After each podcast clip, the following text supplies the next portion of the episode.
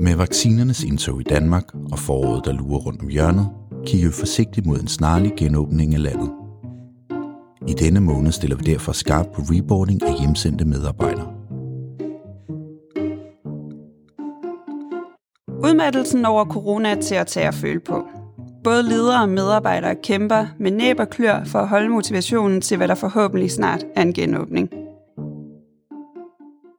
Selvom de fleste gerne vil vende tilbage til, hvad der var før det normale, så må noget af det eneste, vi kan være sikre på, være, at intet bliver helt som før. Den tid, vi alle har været igennem, har unægteligt forandret os, og den måde, vi har skulle arbejde sammen på. Både på godt og ondt. I denne udgave af FM Fokus ser vi på, hvordan en reboarding-proces kan omfavne de forandringer, vi alle har været igennem. Vi kommer omkring, hvilke psykologiske konsekvenser du som leder bør være opmærksom på, når dine medarbejdere vender retur til arbejdspladsen og fællesskabet. Vi ser også på, hvordan en reboarding-proces kan være katalysator for opsamling af værdifuld viden. Og til det har vi inviteret ledelseskonsulent Flemming Andersen i studiet. Og velkommen til dig, Flemming. Jeg kan se, at du også sidder på hjemmekontoret. Kunne du måske starte med at fortælle lidt om dig selv? Ja, tusind tak øh, for invitationen til at være med her. Øh, jeg synes, det er rigtig vigtigt, at vi, vi kommer til at gøre det her ordentligt, når vi skal i gang alle sammen, fordi vi har sat mange følelser i spil med det her kæmpe store sociale eksperiment, øh, og det er vigtigt, at vi lander på benene. Hvis jeg skal lige præsentere mig selv, så er jeg øh, ledelsesrådgiver og proceskonsulent, og øh, er partner i firmaet Andersen, Dinesen and You, hvor vi assisterer virksomheder med blandt andet kriseledelse og organisationsudvikling. Det er måske øh, lidt særligt ved os er, at vi kombinerer udvikling af det faglige felt, altså strategien, målene, kerneopgaven i virksomheden, med udvikling af den organisation og det psykosociale arbejdsmiljø, som skal få det hele til at ske. Og det har der været rigtig meget brug for her under corona, som jo på mange måder øh, både har kaldt på nye måder at arbejde på, men også har været et pludseligt og voldsomt pres på vores arbejdsmiljø. Mange virksomheder ser ulemperne og truslerne øh, først og størst, når de står under en krise. Øh, og det er jo klart, fordi det, en krise tror kerneforretningen. Men det vi hjælper med, det er også at se de nye muligheder og de læringer, som krisen tilbyder. Og, og helt generelt så er det sådan, at de virksomheder, der er bedst til at lære undervejs, det er også dem, der klarer sig bedst igennem kriser. Det gælder den her coronakrise, men det gælder også i andre kriser. De bedste virksomheder, de fokuserer mindre på at forsvare sig, og mere på, hvor krisen kan være med til at løfte dem hen. Og i en krise som corona, øh, så handler det selvfølgelig øh, om både og både rumme og bearbejde truslen og den psykiske følger for medarbejderne, og om at se mulighederne og tog at flytte forretningen, tog at prøve øh, nye handlinger af og andre måder at arbejde på, og tog at skrotte nogle af de gamle rutiner. Hmm. Og jeg tænker, om du kan sådan tage os lidt ind i, hvad det er, der sker, øh, når vi er øh, blevet hjemsendte. Øh, vi har oplevet i en, en første hjemsendelse, var der måske øh, enormt stor utryghed for øh, at miste sit arbejde. Og nu er vi mange af os hjemsendt igen. Hvad er det, hvad er det der sker inde i os, øh, når, vi, når vi går derhjemme? Uh, ja, det er et godt spørgsmål. Altså, jeg tror, der sker mange forskellige ting, og mennesker er jo forskellige, så vi reagerer jo også forskelligt under kriser. Altså, vi har jo forskellige øh, mestringserfaringer, vil man kalde det i psykologien, med at håndtere øh, noget af det her. Men det her med hjemsendelserne øh, og angsten for at miste arbejdet, det påvirker os alle sammen meget dybt. Øh, det er der ingen tvivl om. Menneskets største angst er eksklusionsangst. Øh, vi er øh, sociale individer, der øh, er afhængige af at tilhøre et fællesskab. Så hvis vi potentielt øh, kan miste fællesskabet helt ved at blive fyret, eller mister det sådan stort set, fordi vi skal arbejde hjemme og kun har en øh, internetforbindelse til at være øh, sammen med andre på, så, så bliver vi påvirket af det. Altså hvad det er, man oplever. Man oplever jo blandt andet det, at øh, under øh, starten på en krise, som vi så i marts sidste år, øh, der, der øh, bliver folk øh, akut øh, chokeret og så begynder de øh, typisk at handle. Altså det er sådan den første øh, normale fase i en krise. Det er chok og handling. Og det er fordi vi, øh, vi er indrettet sådan som mennesker, at, at øh, en krise udløser stresshormoner, der får os til at handle, får os til at flytte os fra fare, og får os til at, at udbedre skader, som øh, bliver akutte. Og derfor tror jeg også, man så i starten, at mange, de, det sagde du måske også lidt, altså at mange de begyndte jo at, at, at, at handle effektivt og prøvede at klare alting hjemmefra og holde skruen i vandet og, og, og sådan noget. Og i starten havde vi også meget energi i forhold til øh, at finde på tossede ting, der kunne bringe os sammen med øh, fredagsbar på Zoom og, og sådan noget. Men øh, det, der er vigtigt at vide ved det, det er, at som leder, så kan du ikke fortolke den reaktion, altså den der handlingsreaktion fra medarbejderne, som om, at alting bare er godt. Nej, de prøver at få alting til at være godt, og så vender de usikkerheden og utrygheden indad. Og derfor øh, kan du ikke øh, som leder være sikker på, at du får sandheden at vide, hvis du for eksempel spørger, øh, hvordan har du det? Øh, så lederens opgave er at spørge på en anden måde, så du kommer mere ind under huden på folk. Så du spørger til, øh, hvad er det især, der fungerer lige nu, og hvad er det især, der er svært lige nu. Og så lytter efter de øh, succeshistorier, der er derhjemmefra, som du kan være med til at gøre stærkere, men også lytter efter de faresignaler, som, som kommer fra medarbejderne omkring, hvad det er, der er svært. Altså noget andet, som mange jo oplever under øh, den her krise, det er jo, øh, og det tror jeg måske gælder kriser generelt, det er et misforhold øh, ofte mellem de opgaver og de ressourcer, der er til, til rådighed. Og helt konkret så giver det folk en følelse af stress, og det giver folk en følelse af ikke at slå til, som de, hvis de troede på livet, vil vende ind af. Så øh, hvis nu folk ikke er troet på livet, og deres job ikke er troet, øh, så er det jo vigtigt også at fortalt om de ting, eller det er det måske under sted. øh, men at fortalt om de ting, så vi kan få tilpasset opgaver øh, til de ressourcer, der er, og så vi kan få legitimeret den følelsesmæssige reaktion. Altså gøre det tilladt at reagere, fordi vi reagerer alle sammen. Øh, så kan man sige, at den her krise har jo været mange faser igennem, fra den første akutte øh, krise til der, hvor vi er nu. Øh, og det vi oplever lige nu, øh, når vi er ude og lave noget øh, med, med, med folk, det er jo, at øh, det er en blanding af en, en normalisering af den her måde at arbejde på. Øh, og nu sidder vi også og laver det her interview på Teams. Øh, og så samtidig en gigantisk udmattelse. Øh, vi kan øh, næsten ikke mere, og vi ved, at vi skal. Derfor søger mange øh, ind i opgaverne igen, øh, oplever vi, øh, og, og prøver at finde stabilitet der. Jeg hører ikke længere om så mange fredagsbar på Zoom eller andre skøre, sjove påfund. Øh, vi skal bare igennem nu, øh, og folk bider tænderne sammen. Og det der er øh, værd at hæfte sig ved, øh, ved, ved det, det er, der, det koster ressourcer. Altså det, vi graver dybt lige nu, og det koster ressourcer. Der er no free lunch, når vi øh, overpræsterer over en lang periode. Øh, og derfor er det også vigtigt, øh, som leder at gøre sig klar af reaktionen på den krise, som vi står i nu. Og de mulige overbelastningsreaktioner, der kan komme, de måske først kommer på et senere tidspunkt, når krisen ikke længere er i den her akutte fase. Øh, og der måske psykologisk set igen bliver lidt mere plads til, øh, hvordan vi har det. Hmm. Ja. Og det vi øh, har fokus på med, med reboarding, det er jo, at man netop øh, laver en proces for at give plads til, til det, der nu måtte være. Ja. At man ikke siger, nu er dørene åbne, øh, kom og sæt jer ned, og så arbejder vi videre som før. Hvordan kan man gribe øh, den proces an og, og sådan facilitere den, så man sørger for at få hørt nogle af de her reaktioner, som, som du taler om? Ja, det er rigtig godt at, øh, at tænke lidt over det og lave en struktureret proces, så man sørger for, at man får øh, rummet folk på den rigtige måde, men at man også bringer dem videre til det perspektiv, som vi altid prøver at insistere på, nemlig at der også er en kæmpe stor læring, og der også er nogle nye handlemuligheder, øh, som, som, øh, som kan tages endnu længere frem, og som også er gode. Altså, der er også nogle gode oplevelser.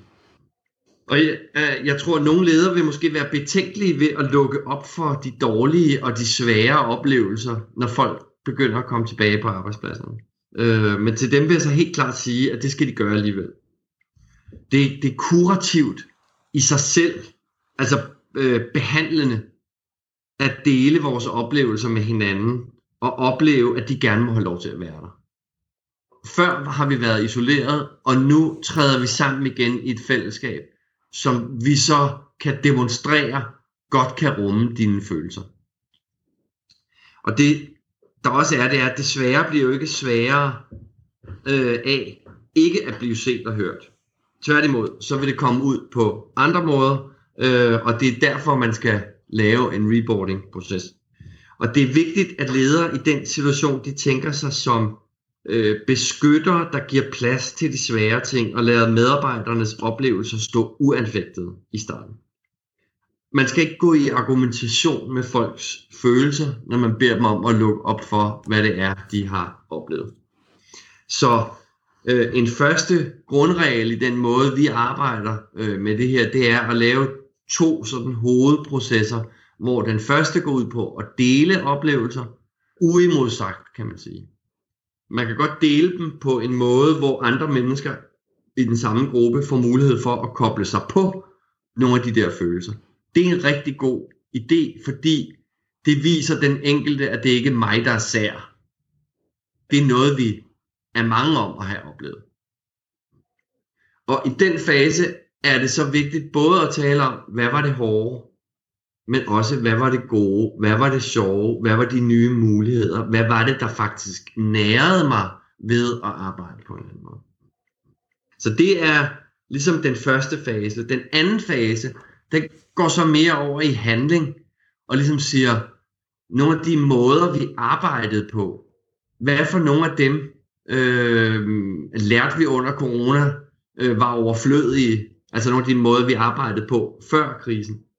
Og hvordan har vi lært at arbejde på nogle nye måder? For eksempel med, med brug af øh, Teams og Zoom og så videre, øh, som, som vi gerne vil øh, fortsætte med at bruge noget af.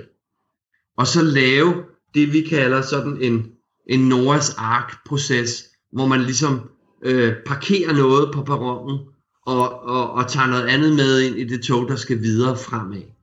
Så man fortalt om, hvad er det for en fremtid, vi gerne vil øh, bygge sammen, øh, og hvad er det, vi vil tage med fra, øh, fra vores erfaringer, både under corona og fra før. Og kan du dykke lidt mere ned i, hvordan man kunne sådan gøre det næsten sådan helt lavpraktisk? Hvordan kan man facilitere den her proces, så man så også sikrer sig, at det ikke øh, øh, var noget, vi talte om på et møde, og så bliver det måske aldrig rigtig implementeret? Er der noget, man kan gøre for at sikre, at den viden, den tager vi med os videre i den fremtid, vi gerne vil skabe sammen? Ja, altså øh, noget som, som nogen har gjort, det er at lave plakater. Så man ligesom, øh, hvor man laver forskellige farvede felter med det her, det efterlader vi, det her, det tager vi med videre, og det her går vi ind i, altså øh, Øh, den her fremtid vil vi gerne øh, skabe. Så man, så man fastholder det, og på den måde også sådan synliggør, at det gerne må være der, og, men også at vi har været en proces igennem øh, og har taget nogle, altså bearbejdet noget sammen, men også taget nogle konsekvenser og truffet nogle valg om, hvordan vi gerne vil, vil handle. Så det kan være, det kan være en måde at øh, gøre det på. Jeg tænkte lidt, øh, det du siger med, at der kan være forsinkede øh, reaktioner og, og stressbelastninger. Øh, man kan vel også som leder ende med at stå og ikke kunne øh, håndtere de følelser. Øh, man kan godt anerkende dem, men der kan jo være... Øh, der kan være belæg for, at der måske skal noget udefrakommende hjælp til. Er det noget, man, man bør være opmærksom på og klar til at sådan have tænkt det næste skridt? Sådan, måske har vi brug for altså, lidt mere sådan, øh, krisepsykologisk rådgivning også. Er, er, det, er det en reaktion, man ville kunne forvente hos medarbejderne, når vi igen har fået plads til at kunne at, altså lade det bundfælde sig? Ja, det tror jeg, det, det, det tror jeg godt. Øh, men, men der er jo enormt stor forskel på de forskellige brancher, de forskellige arbejdspladser med, hvor udsat man har været. Hvor, altså, der er jo for eksempel kæmpe stor forskel på, om det er en offentlig eller en privat arbejdsplads. Hvor der måske ikke er så mange offentligt ansatte, der har været sådan troet på deres øh, levebrød og på at miste jobbet, øh, men har været hjemsendt og skulle holde til øh, familieskole samtidig med arbejde, og måske øh, haft et misforhold mellem ressourcer og opgaver og, og sådan noget. Og så nogle andre, som, altså, hvad ved jeg, restaurationsbranchen og sådan noget, hvor, hvor folk er blevet øh, fyret af en blok, og så skal man til at genansætte nogen, og, og, og sådan noget. Altså, der, der er jo nogle brancher, der er meget eksponeret, og nogle, der er mindre eksponeret. Og, og jeg tror, det er en rigtig god idé, øh, når du spørger på den måde, at gøre sig ligesom klar på forhånd, hvad for et øh, niveau af, af krisereaktion øh, vil jeg tro, der er i den her gruppe. Øh, og så, og så, så tror jeg, det vigtigste er, hvis man så gør det selv, det er det der med at være bevidst om, at i den fase, hvor du beder folk om at lukke op, der, der skal du ikke anfægte deres følelser. Der skal du sige, der skal du anerkende, at de er der, og, og sige, det kan jeg godt forstå, øh, øh, har, har været svært at, og, og spørge ud, om der er nogle andre, der også har haft det sådan, og sådan på den måde være med til at, og, og normalisere det, vil man kalde det. Ikke? Mm. Øh, og så skal du jo selvfølgelig følge op. Altså, hvis du så kan se, at der kommer nogle meget stærke reaktioner, som er stærkere, end du har forventet, øh, så kan det være en, øh, en god idé at øh, enten få en individuel psykolog på, eller øh, at vurdere, at det måske kan være en god idé at få en øh, proceskonsulent øh, udefra til at komme og lave processen med virksomheden. Øh, mm. Hvis jeg skal give et eksempel på, hvornår det kan være en god idé, så, så kan det være det, hvis, hvis øh, medarbejderne føler sig svigtet af virksomheden under krisen. Altså hvis man godt ved, der er nogle øh, ledere måske, der har opført sig på en måde, der blev lige lovlig øh, hård i filten, eller øh, virksomheden har vist sig at orientere sig øh, noget mere efter øh, penge end efter people øh, i de handlinger, der har været under krisen, så kan man jo godt have fået gravet en form for grøft til, til, til medarbejderne, som, som kan være svær at komme over. Mm. Hvis, hvis man ligesom kan fornemme, at, at medarbejderne øh, i nogen grad er der, så vil jeg sige, så er det bedre, at der kommer en ekstern og faciliterer sådan en proces, hvor man så kan anerkende, at der har været noget, der ikke var lige smukt altid. Mm. Og fortalt om, hvad, hvordan det påvirkede folk, fortalt om, hvad det var, man oplevede. Og så hvor man sådan fra ledelsesside jamen, kan anerkende, at jamen, vi kan godt forstå, at det, øh, det har set øh, sådan ud i jeres øjne. Vi havde også en god intention med at gøre det på den, den måde, øh, men, men vi vil ikke tage jeres oplevelser fra jer på den måde, men, men også bare fortælle, hvad vi tænkte omkring det der. Og så kan man få det bearbejdet, og så kan man øh, ligesom sige, okay, hvad skal der til for at, at komme videre? Hvad er den nye kurs? Og så også begynde at tale om de her læringer, og hvordan kunne man måske have gjort det endnu bedre i den måde, man havde håndteret medarbejderne på undervejs. Øh, for der kan man sige, set fra et ledelsessynspunkt, så, kan, så skal man passe på med ikke at se det, som medarbejderne siger, som en kritik. Fordi det er jo en kæmpe pool af læring i forhold til, hvad viste sig at være vigtigt at gøre. Så der gælder det jo også om, som virksomhed og som leder, at være stor nok til at lære. Altså det er jo ikke kun noget, medarbejderne skal gøre, det er jo også noget, ledelsen skal gøre. Øh, og ligesom øh, anerkende, at ting er blevet oplevet på en måde, der, der måske ikke var øh, så behageligt for dem, det gik ud over. Jeg mm. håber, det var et spørgsmål. Absolut. Ja. Jeg kom til at tænke på øhm, det fællesskab, som vi nu har haft øh, digitalt. Hvordan øh, kan man facilitere, at man får skabt et godt fællesskab, når man møder tilbage til de fysiske rammer? Der kan jo være øh, nogle opsigelser undervejs, nogle organisationsstrukturer, der har ændret sig, øh, nogle dynamikker, der måske ikke længere er det samme. Hvordan får man skabt øh, et sådan stærkt fundament til at komme, komme videre på, når vi mødes igen fysisk? Det, det har folk jo nok øh, forskellige måder at gøre på, og, og nogle steder, der, der laver man sociale aktiviteter, og nogle steder, der, øh, der laver man øh, udflugter, eller der er fredagsbar og, og sådan noget. Ikke? Altså, øh, helt generelt, så tror jeg lige vil sige noget om, hvordan man kan øh, booste trygheden, hvis det er den, der har været udfordret. Fordi øh, det er jo så blandt andet øh, det, du, du, du spørger ind til der.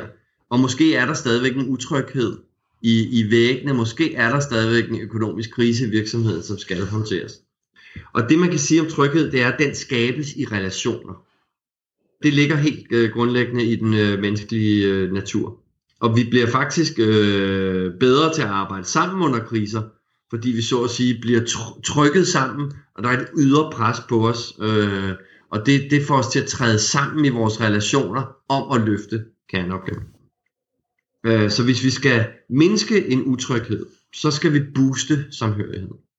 Og, og det kan man som sagt gøre på mange måder, men det gælder om, på, på, det gælder om at, at få dyrket relationerne, skabe plads til, at, øh, at, at relationerne kan være der ind imellem opgaverne. Øh, men måske også prøve at, i en periode at eksperimentere med at løse opgaverne i højere grad i grupper end individuelt. Og sådan noget. Fordi at det vil, det vil gøre os trygge øh, som leder, så, så gælder det jo også om at have øh, blik for den enkelte og give social støtte til dem, som, som ligesom ser ud til måske godt at kunne øh, hænge øh, lidt. Øh, det kan man jo godt se der. Så der skal man ikke tro, at man kan klare alting i gruppen. Jeg har selv været leder i rigtig mange år, og der havde jeg faktisk sådan et motto, som var, at, at, at tillid bygges op i en-til-en relationer. Mm. Det var ikke det, jeg gjorde på et ledergruppemøde, eller på et, øh, på et øh, afdelingsmøde, hvor jeg kom med fælles informationer. Tilliden, det bliver bygget op i de en-til-en relationer, øh, vi har. Mm. Øh, men øh, udover at booste øh, samhørigheden, som jeg lige sagde, så, så fremmer det også både trivselen og motivationen at booste folks oplevelse af kompetence. Det vil sige deres oplevelse af, at de magter deres opgaver, og de er gode til dem. Så det handler om at, hvis man skal gøre det, at, at rammesætte opgaverne på en måde, som medarbejderne faktisk kan øh, overskue, og at sørge for, at omfanget af opgaver ikke overgår de ressourcer, de har. Så du bliver som leder nødt til at være ops på ikke at stresse medarbejdere yderligere, hvis de kommer fra sådan en latent semi-stress øh, situation, som krisen har været så skal du naturligvis passe rigtig meget på ikke at stresse dem yderligere og måske få dem skubbet ud over en kant. Øh, og endelig så kan det være en rigtig god idé at booste den autonomi, som folk har i deres opgaver. Det ved man, det øger folks motivation. Det er hentet fra motivationsteori. Men det øger også den almindelige trivsel. Det som autonomien gør, det er, at den giver dig mulighed for at tilpasse opgaven til dig selv. Altså tilpas den til, hvordan vil du løse den her opgave. Så det, at der er et råderum for, hvordan du når det her mål på en måde, som du ikke får dikteret. Det er i sig selv med til at fremme både øh, den, den arbejdsmæssige motivation, men også simpelthen bare trivselen på, på arbejdspladsen. Så, så de tre faktorer er super gode at holde, holde øje med, altså øh, øh, samhørigheden, følelsen af kompetence og autonomi i opgaven. Hmm. Og hvis vi skal rundt af, øhm, kan du så lige opsummere, sådan, hvad de tre vigtigste fokusområder er i, i en god reboarding-proces for, for at lykkes med at få medarbejderne godt tilbage på, på den fysiske arbejdsplads? Ja, øhm, altså det første, det vil jeg sige, det er det her med at lave en struktur for en reboarding-proces. En struktur, hvor I klart adskiller, hvornår I deler oplevelser, Øh, øh, og altså lytter til hinanden og kobler jer på hinandens oplevelser. Og hvornår I beslutter, øh, hvad I vil handle på sammen. Øh, så sørg, og, og, og sørg for, at, at øh, i begge de to faser, både at tale om, hvad der var godt og hvad der var skidt. Øh, der er ingen grund til heller at lade sig synke ned i alt det, der var dårligt. Det er også i sig selv sådan aspirerende at få lov til at tale om det, der også var godt og sjovt. Og, og, det andet skal bare have lov til at være der. Og så, så synes jeg, at øh, i den her situation, både der, hvor vi er nu, øh, men også når vi kommer tilbage efter den her krise, så handler det om at beskytte de beskyttende faktorer i, i arbejdsmiljøet. og, og gøre det, jeg lige sagde her med at skabe tryghed gennem relationer, øh, sørge for, at folk er forbundne, øh, og at de oplever, at de kan mestre deres opgaver, og at når de gør det, så ser du det og anerkender det, og bekræfter dem i, at de kan mestre deres opgaver. Det er meget vigtigt for øh, os alle sammen. Og så endelig øh, det her med autonomien, øh, og sørge for, at folk de selv kan påvirke deres øh, arbejdsopgaver. Og hvis du er i tvivl om noget af det her, så, vil også, så kan man også øh, huske en ting mere end noget andet. Det er dialogen. Altså forventningsafstemning med dine medarbejdere omkring, er rammerne øh, fine nok? Har du øh, plads nok i din opgave til, hvordan du vil gøre det, og, og sådan noget. Går du og føler dig ensom? Den sidste ting, jeg vil fremhæve, det er jo, at man som leder på en eller anden måde er forpligtet til at kende de krisereaktioner, som kan komme nu, mens vi er under øh, krisen, men som altså også kan komme øh, bagefter. Øh, og først og fremmest så skal man bruge sin mavefornemmelse som leder og mærke efter om de der mennesker, som man godt kender jo, øh, som er ens kolleger, som man bare har været fysisk adskilt fra i en periode, om de opfører sig anderledes, end vi plejer at gøre. Det er den første og vigtigste øh, regel. Det er sådan set bare at lægge mærke til, om folk opfører sig anderledes. Det kan man også bruge hinanden til. Øh, vi, man kan også ligesom aftale med hinanden, at det er sådan vigtigt at gå lige og, og lægge mærke til hinanden, og altid lige stikke hovedet ind øh, og, og sige, hvis man oplever, der er altså et eller andet der, hun har været meget tavs i en hel uge nu, eller øh, eller hvad det er. Ikke? Mm. Og, og hvad det er for nogle krisereaktioner, det er jo alt sådan, altså, øh, det, det kan jo både være brede, og det kan være konkurrence øh, internt i gruppen, eller det her med, at man lukker ned og bliver fjern, øh, og, og, og det kan være folk, der mister troen på egne evner, og alt sådan noget, som vi også ser i arbejdslivet normalt. Og det er sådan set, det der er en del af udfordringen med det her, det er, du kan jo sagtens se nogle af de her reaktioner på en helt almindelig øh, dansk arbejdsplads, også før corona, og det vil du også kunne se efter corona, uden at alle krisealarmklokker behøver at ringe. Men det er mere, hvis du ligesom begynder at synes, måske opfører hun sig lidt anderledes, og du så begynder at lægge mærke til de her ting. Er der lidt mere konflikt? Er der øh, lidt mere tilbagetrukkenhed og sådan noget? Så så vil du have et grundlag for at, at, at se, hvor det er, det er vigtigt, at du i hvert fald øh, går ind og møder medarbejderne. Tak skal du have, Flemming.